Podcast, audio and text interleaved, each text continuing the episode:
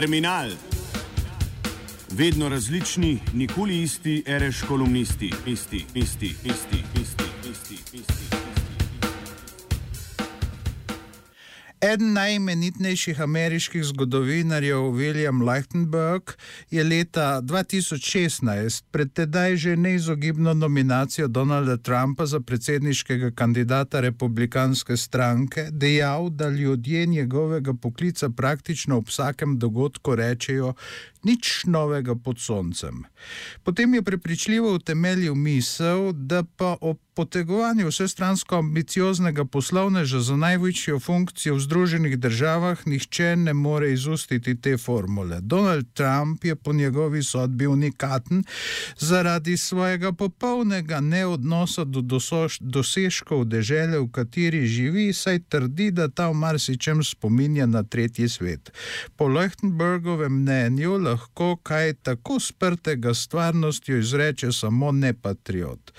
Razširjanje pogledov, ki ne ustrezajo dejanskemu stanju, pa je po sodbi eminentnega zgodovinarja, vodilnega poznavalca dobe New Deala, razlog, da se ponovijo Jeffersonove besede: trepetam za svojo deželo.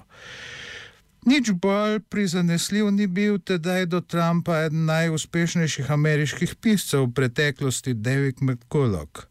Menil je, da republikanci, pripadniki stranke Abrahama Lincolna in Theodorja Roosevelta, pozabljajo na kriterije za presojo bodočih voditeljev, ki jim jih je zapustil Dwight Eisenhower, to je na značaj, sposobnost, odgovornost in izkušnje. Trump je bil po McCullogovi sodbi nekvalificiran za predsedniško kandidaturo po vseh štirih ključnih merilih, ki zagotavljajo bodro odločitev.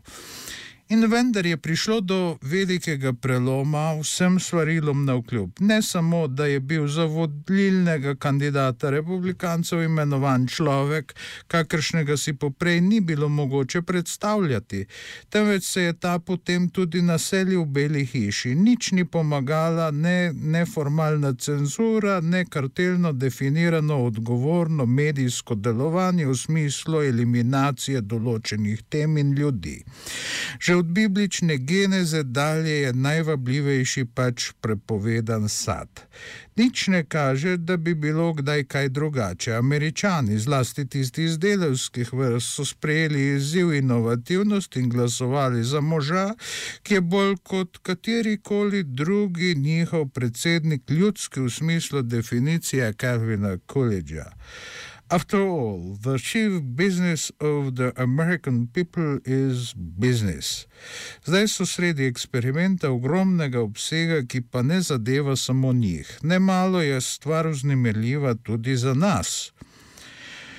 Ob tem pa ne gre spregledati, da je naše razumevanje širše zanimivo, ne mara celo za same američane in brez skrbi, ti, ker dobro razumejo, kar se reče pri nas, če je stvar za nje pomembna. Na ljubljanskih hodnikih oblasti se je pred leti pripetilo, da je eden od visokih državnih funkcionarjev v prisotnosti uradnega predstavnika druge države začel neženirano zabavljati čez zgodovinsko izkušnjo slednje, kaj pa v slovenščini. Sloveniji. Uglejenih zastopnik tuje sile se je obrnil k njemu in mu z ironičnim izrazom na obrazu dejal: Kaj pa v našem jeziku, jaz vas razumem.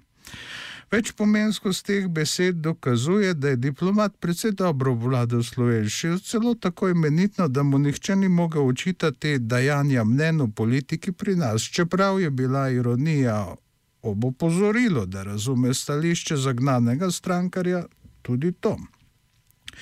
Mi seveda nočemo dajati povoda tujim silam za takšno upletanje v naše zadeve, kakršnega dajo uradni predstavniki slovenske države s svojimi gefi.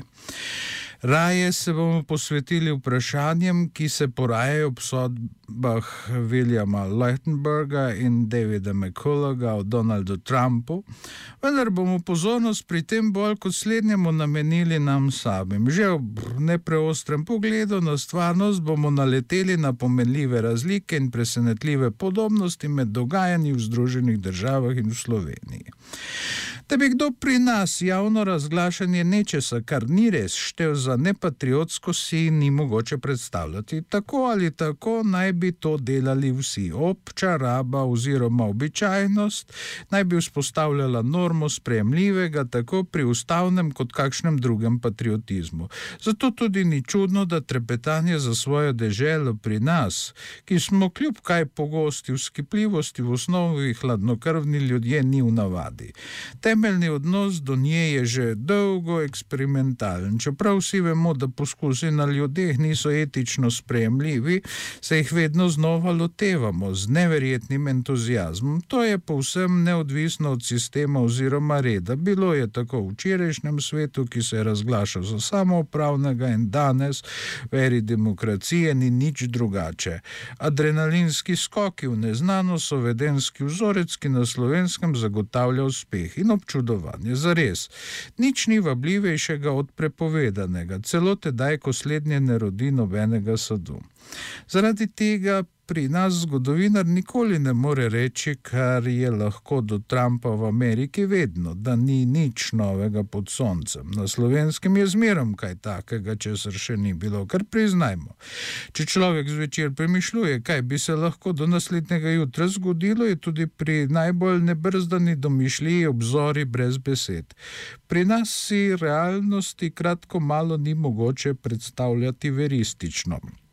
Stvarnost na naših tleh zmerom presega misel, ki je tako ali drugače vendarle navezana na logiko. Dogajanje seveda ni, a še ljudje pa so vsega sposobni. Eisenhowerjevi kriteriji v Sloveniji delujejo proti vsakomor. Izkušnje bi utegnile škodovati eksperimentalni ihti, zato seveda ne moremo biti za nje. Zagledanost v dosedanje dosežke in paradigme, v okviru katerih je prišlo do njih, pa povzroča, da ni nič novega pod soncem. Odgovornost bi prav tako zlahka dušila polet pri eksperimentiranju. Pri nas ni navezana na ljudi, temveč kvečemo na ustanove, kolikor mogoče formalno, in na medije, kar se da dejansko. Sposobnost je povezana z izkušnjami, brez slednjih se je ne vidi, potem takem tudi ni za nas in značaj. To je na slovenskem skrbno skrivan osebni podatek, ne informacija javnega značaja. Razprava v njem utegne biti kazniva. Na dlani je torej sklep, da tisto, kar sta pri Trumpu pogrešala Leuchtenberg in McCulloch na slovenskem, že odnegdaj kar le mogoče na široko prakticiramo. Do tot je vse še kar razumljivo, pač druge dežele, druge navade. Vendar pa se potem pojavi popolna nelogičnost, ki se kar sama zgošča vprašanje, čemu pri nas sedanji ameriški predsednik ni zvezda. Še zlasti zato, ker je med njegovimi pristopami pristaši toliko delavcev, ki so tudi odakom slovenske dnevne in letne kronike vsaj diskurzivno zelo pri srcu. Odgovor lahko iščemo v več smerih. Najprej bi bilo mogoče pomisliti na narcisizem nosilcev majhnih razlik. A o tem ne moremo govoriti dalje, ker gre za vprašanje značaja. Nadalje bi lahko tudi pomislili, da so ameriški delavci, ki so se osebnostno oblikovali v svetu Eisenhowerjevskih idealov, povsem drugačni od naših, ampak slednje bi pomenilo zanikati poglede teorij, ki govorijo o enotnih proletarskih interesih na vseh zemljepisnih širinah in dolžinah. Po tej poti se na slovenskem ne bi prišlo posebej daleč, že zaradi formalne institucionalne in dejanske medijske odgovornosti. Človeku, ki bi se poskušal napotiti v to smer, bi hitro izklopili ulično razsvetljavo. Postaja pa seveda tudi možnost, da Lehtenberg in McCulloch glede Trumpa nimata prav. Ampak to ni niti malo verjetno. Sedanji ameriški predsednik je tak, da ob njem ni mogoče vzklikniti nič novega pod soncem. Zares, če so ni sposobni, če zvečer premišljujemo, kaj bi lahko ukrenil do jutra, smo obzori, ko se soočimo z dejanskostjo, vedno presenečeni. In nič ne kaže, da bi se Trump kremenit kot je spremenil ker hoče še en mandat. To je na las podoben ljudem moči z naših ulic in kolovozov. Razlika pa je v tem, da je on odvisen od glasov ameriškega delavstva, ne našega. In slednje zaradi tega ni srečno. Ne povsem kozerejski terminal je pripravil Igor Gardina.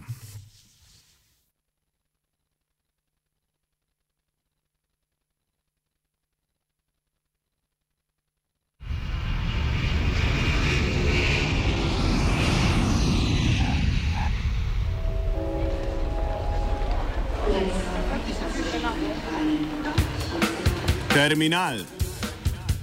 Vedno različni, nikoli isti, reš kolumnisti, isti, isti, isti, isti, isti, isti. isti.